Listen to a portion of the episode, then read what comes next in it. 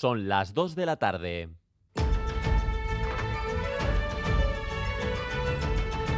Crónica de Euskadi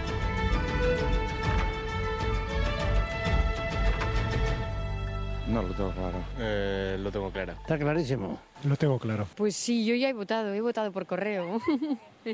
Yo no tengo claro. Jornada de reflexión. Parece que la trascendencia de las elecciones eh, de mañana ha hecho que muchos y muchas ya tengan su voto decidido y los que aún no saben a quién van a votar tienen todavía unas horas para decidirse. Pero está ya todo el pescado vendido. La campaña acabó ayer y ya los partidos políticos no pueden pedirnos el voto. Mañana, cita histórica en lo que todo apunta será una noche electoral intensa.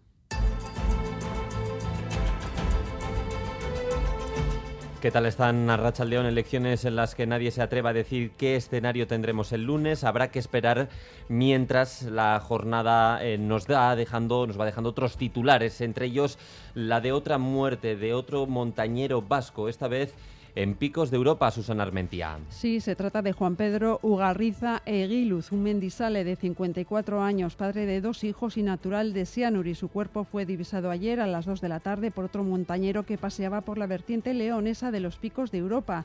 Él fue quien avisó a los servicios de emergencias que tuvieron que enviar a un helicóptero por lo escarpado del terreno. Cuando accedieron al lugar se encontraron a Juan Pedro sin vida.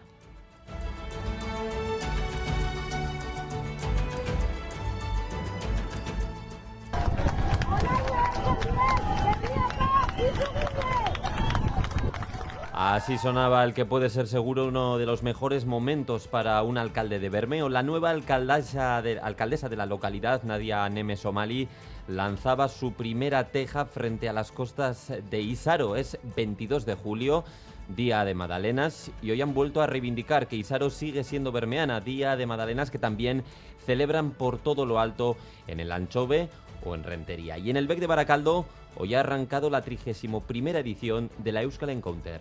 Pues este año queremos apuntarnos a pues, torneos del FIFA, a torneos del Tetris, a todo. Hemos estado practicando. Al Animal Crossing, al Mario Kart, al Zelda. Durmiendo cuatro horas, mal y pronto, con mucho Red Bull, mucho Monster, pero pasándolo de miedo. Más de 3.600 ordenadores enchufados a velocidades de Internet ultra rápidas y gente con ganas de pasárselo bien protagonizan esta nueva edición de la parte informática más grande del Estado. Y en el BEC también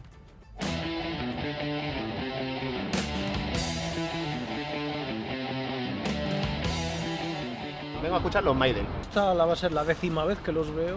Nunca defraudan en directo. Hay morbo por verlos. Venimos de Tenerife al concierto. Bueno, anoche a darlo todo. No van a defraudar. Siempre Maiden son una apuesta segura. La gente ya guarda cola para ver Iron Maiden que regresa a Euskadi tras nueve años sin tocar aquí. Eddie ya se pasea por Bilbao.